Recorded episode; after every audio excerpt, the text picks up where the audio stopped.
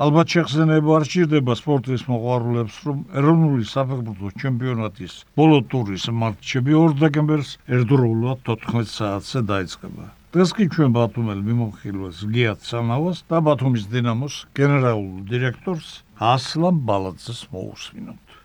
მივესალმები ჩვენს რადიო მსმენელებს.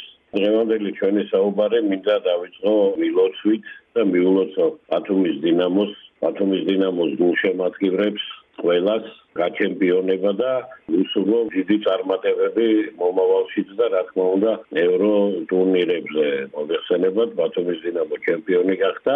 ბოლო თამაში თელავი დაამარცხა ქუთაისში ვერ მოიგო მისმა კონკურენტმა თბილისის დინამომ და ეს საკმარისი გახდა იმისთვის რომ დინამოს ჩემპიონობა ეზეიმა და უფრო სასიხარულოა კიდევ იმ კუთხით რომ აი ჩემპიონობა ბათუმის დინამოს 100 წლის იუბილეს დაემთხვა და მოგეხსენებათ ეს ამძაფრებს იმ დიდ სიხარულს რომელიც ბათუმში და ბათუმის გულშემატკივრებში სუპერს კიდევ ერთხელ გულოცავ ვიჯ და პატარას მესვეურებს გუნდის ხელმძღვანელობას და ყველა გულშემატკივარ განსაკუთრებით ბათუმელ ფანებს რომლებიც თელი სეზონის განმავლობაში უერთიედგა გუნდს და მე ვფიქრობ რომ ამ დიდ წარმატებაში მათი წვლილი ძალიან დიდია. ვარტალია დარჩენილია კიდევ ტური მაგრამ ამას გადამწყვეტი მნიშვნელობა აღარ აქვს. ჩემპიონი ვიცით ვინ არის. დარჩა კიდევ ერთი თამაში ძალიან საფასუხისგებლო თამაში საქართველოს თასის ფინალი და ბათუმის დინამო დაუპირისპირდება საბურთალოს მე როგორ ბათუმელი კაცი რა თქმა უნდა ჩვენს გუნდს წარმატებას უსურვებ და ამასის იუბილეზე ცუდი არ იქნებოდა დუბლის შესრულება და თუ კი თასაც აიღებს დინამო ეს კიდე ორმაგი სიხარული იქნება ჩვენი ქალაქისთვის და ჩვენი გუნდისთვის და გულშემატკივრებისთვის. ასე რომ კიდევ ერთხელ მოცავ დინამოს და უსურვებ წარმატებას ევროტურნირებზე და დიდ გამარჯვებებს. მივესალმები თქვენ რადიოს ვენელს და მინდა რომ დიდი მადლობა გადაგიხადოთ იმ ილოსტრისთვის გახარებული არის როგორც კლუბის წარმომადგენლობა, ქალაქი, ხელმძღვანელობა. დიდი მადლობა თქვენ მოლოცვისთვის. 6 წლის განმავლობაში კლუბის ხელმძღვანელობა ისი უფროსი წვრთნელი იმ პერიოდში იცით რომ გია გეგუჩაძე ხელმძღვანელობდა გუნდს. ძალიან შრომატევადი სამუშაოები ჩადარდა გუნდში. ბათუმის დინამო იცით რომ 100 წელი უსრულდება მაგრამ ძალიან დიდი ჩავარდნა ჰქონდა სტადიონიდან გამომდინარე ჩვენ იცით რომ 14 წლის განმავლობაში ჩვენთან არ იყო სტადიონი და არასტაბილური გამოსვლები ჩემპიონატებზე ჰქონდა გუნდს. ხან ვარდებოდა ხან შემოდიოდა უმაღლეს ლიგაში და ჩვენ გადავწყვიტეთ რომ ამ სიტუაციაში გუნდს შეადგომოდა სათავეში გია გეგუჩაძე და აქედან დაიწყო ყველაფერი 2018 წლიდან ფაქტურად ჩვენ დავიწყეთ გუნდის შენება და ძალიან ბევრი სამუშაოები შესრულდა. როგორც შემოადგენლობის მხრიდან იგივე გარდაქმნა გახდა საჭირო და აქ უფრო მეტი სამუშაო მოგვიწია. იცით რომ გუნდი ევროტურნირებზეც მონაწილეობდა და აი ამ სიტუაციაში მაქსიმალურად ვცდილობდით რომ შეგვენაჩინებინა სტაბილურობა გუნდის და მივახცეთ იმას, რასაც არ მიიღწევია ეროვნულ ჩემპიონატში ორჯერ გავხდით ჩემპიონები, ეს იყო 21-ში და აი 23 წელს უკვე მეორეჯერ გავიფორმეთ ჩემპიონობა. წელს მოხდა უფროსი წვრთნელი შეცვლა. აი ეს გენეული იყო ბათუმის დინამოსთვის, ისეთ რომ გამოსულა გეგუჩაძე დატოვა გუნდი, ეს მისი ჰებით მოხდა და 14 ტურით ადრე მოგვიწია ახალი წვრთნელის მოყვანა გუნდში და ეს იყო ძალიან დიდი საიშროება. რამდენიმე იქიდან რომ როდესაც გუნდი პირველ ადგილზე მიდის, 7 გოლით ლიდერობს ჩემპიონატს და იქ უკვე წვრთნელის მოხდეს შეცვლა, ცოტა იყოს რთული იყო, რამდენიმე იქიდან რომ როგორ მოერგებოდა უფროსი წვრთნელი გუნდს, ამის საიშროება იყო, მაგრამ ყველამ დაინახა რომ ანდრეი დენჩ ჩეკოს მოსვლის გუნდში, ну, იყო რაღაც პატარა არასტაბილური თამაშები, მაგრამ საერთო ჯამში გავაფრობთ ის ჩემპიონობა. მაგრამ აქ იყო მეორე ფაქტორიც, რომ ჩვენ გაგვიმართლა იმაში, რომ 4 ფეხბურთელი, რომელიც დემჩეკოს დროს თამაშობდა გორის დილოში, ის ფეხბურთელები დახვდა და ფაქტურად მას მოუწია ამ ფეხბურთელებზე მორგება გუნდის ტაქტიკის და აი აქ ჩვენ გაგვიმართლა და მივიყვანეთ საქმე ბოლომდე. რაც შეეხება მომავალი გეგმები, მე ვფიქრობ, ჩემი აზრი არის, რომ სერიოზული შევსება უჭირდება გამოდინერ იქიდან, რომ ის ევროტურნირებს მოგვიწევს თამაში და გველოდება წინ ევროთასები, ვინდა რომ გავძლიერდეთ და გაკეთდეს ისეთი ტრანსფერები, რომელი ტრანსფერებიც გუნდს გააძლიერებს ის ფეხბურთელები, რომლებიც დღეს არის გუნდში. დღეს როგორც გუნდში ირიცხება 29 ფეხბურთელი, თავისთავად ხადი ეგ ახალგაზრდებიც არიან, მაგრამ გუნდს ჩემი აზრით ჭირდება გადახალისება იმ ადგილზე, სადაც აუცილებლად ესაჭიროება ცოტა გამოსილი ფეხბურთელები. ჩვენ სამოურო გეგმებს დავსახავ და ჩემი აზრით სადღაც დეკემბრის ბოლოს იანვრის დასაწყისში გუნდი შეიკრიბება ბათუმში და უკვე ჩამოყალიბებული ვართ სად იქნება შეკრებები ალბათ თურქეთში ვიქნებით ან ესპანეთი ან თურქეთი ეს ორი ვარიანტი გვაქვს რომელშიც იქნება საუკეთესო სპარინგ პარტნიორები ალბათ გუნდი წავა იქ მინდა ვიქრათ ეროვნული ჩემპიონატის ბოლო მატჩის წინ მოხდება კიდევ ერთი ქართველი ფეხბურთელის, აჭარელი ფეხბურთელის ამ კუთხის შვილის. ჩვენი სახელოვანი მეკარის ასლან ბალაძის ვარცხლავი ზაგიავდება.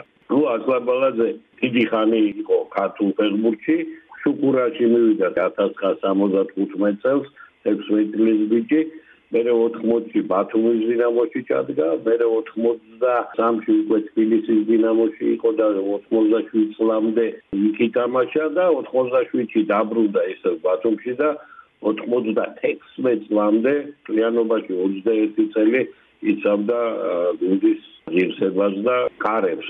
შესანიშნავი ფეხბურთელი ყველა დროის ალბათ აჭარაში ერთ-ერთი საუკეთესო მეკარე შეიძლება ითქვას იყო ასლან ბალაძე და 21 წელი მისი სტაჟი საფეხბურთო ცხოვრებისა ცოტა არ არის მე ვფიქრობ ძალიან ბევრია და ბათუმელი გულშემატკივრების ქართველი ყველა მისი გულშემატკივრის სახელით მინდა მას მიულოცო.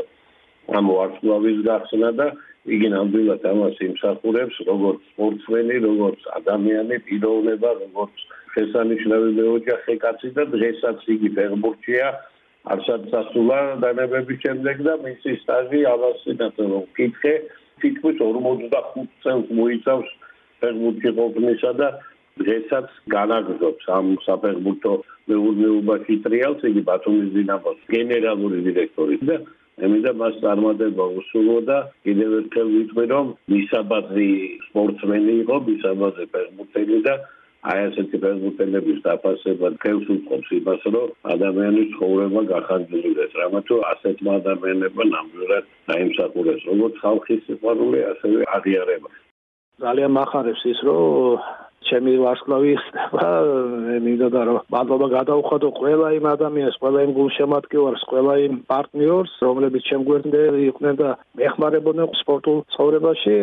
ამასაც დავამატებდი რომ ჩვენთან ბათუმში იმ ახალ სტადიონზე ძალიან კარგი ტრადიცია რომ ვარსკვლავები ისნევა მარტო ჯერ ეზო ჩელებაძის, მერე ვახტანგ კორიძეს, ახლა ჩემი და არის გეგმაში რომ ის ფეხბურთელები, რომლებმაც ნამდვილად დიდი როლი შეასრულეს ბათუმის დინამოს და ქართული ფეხბურთის აი ყველა ის ისინი იქნებიან, აი ამით ეს არის ძალიან კარგი მაგალითი ყველა იმ ქალაქისთვის, ყველა იმ გუდის რო ესე ახლოს მე ვიცი რომ თბილისში არის ლოკომოტივის სტადიონზე არის, ფეხბურთის ფედერაციამ გააკეთა და ძალიან מחარებს რომ ესეთი რაღაცები არის, იმიტომ დასაფასებელი არის ეს ხალხი, ნამდვილად ლეგენდა ხალხი არიან ეს ხალხი, რომლებიც ლოკომოტივის სტადიონზე არის, კიდე ბევრი იქნება და საერთოდ ქართული ხალხისთვის ყოველთვის გასახარია რაც კარგი კეთდება სპორტის მიმართ და ფეხბურთის მიმართ. აი ეს მინდოდა მეთქვა და კიდევ ერთხელ დიდი მადლობა თქვენ. ბოლოცისთვის ძალიან დიდი მადლობა რომ ყურადღებით აკვირდებით ბათუმის დინამოს წარმატებებს და მომავალშიც ვეცდებით რომ გაგახაროთ და ყველაფერი კარგი გავაკეთოთ.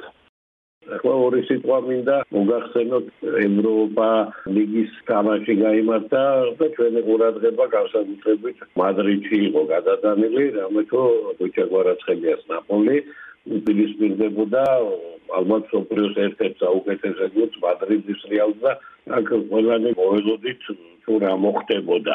ნუ მადრიდის რეალს თავისი მაქსიმუმი შესრულებული ქონდა იგი ჯგუფში პირველ ადგილზეა და შემდეგ ეტაპზე გადავა, მაგრამ ჩვენ გვაინტერესებდა როგორ ითამაშებდა ნაპოლი და როგორ დამთავრდებოდა ეს თამაში და უნდა გითხრათ რომ მე რაც მინახია ხუჩას თამაში ოდნა უფერული ვერ ვიტყვი რომ ხუჩამ ძალიან ბევრი ირბინა ძალიან ბევრი მოძრავა ძალიან ბევრი დაეხმარა. უკან მაგრამ ერთი რამა რომ მის წინააღმდეგ როგორც კი ბუც მიიღებდა ან აქცენტი იქეთ იყო გადადანილი 3-4 ფეხბურთელი სულ გაზდა მე ვფიქრობ რომ უკეთეს შემთხვევაში გუნდვა რიცხობრივი უპირატესობა. ოდნის სხვა განაკვეთი უფრო ეფექტურად უნდა გამოიყენოს.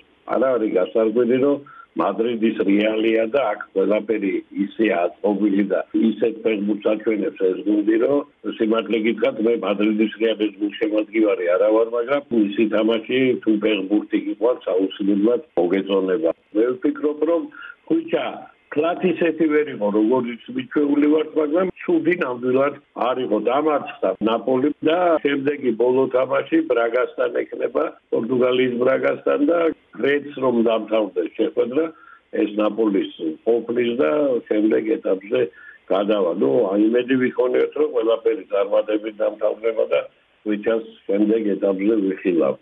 ერთხელ კიდევ დიდი მადლობა რომ მადლებს საშუალება ჩემი აზრი გამოთქვა და მინდა ქართულ სპორტს ზოგადად წარმატება უსურვო და ყველა ქართულ ფეხბურთელს რომლებიც დღეს უკვე საზღვარგარეთ თამაშობენ. ამიტომ ეროვნული ჩემპიონატი თავდებოდა ყველანი გადავერთებით იქეთ სადაც ქართული ლეგიონერები წარმატებით გამოვდნენ დიდი მადლობა კარგად წადებთ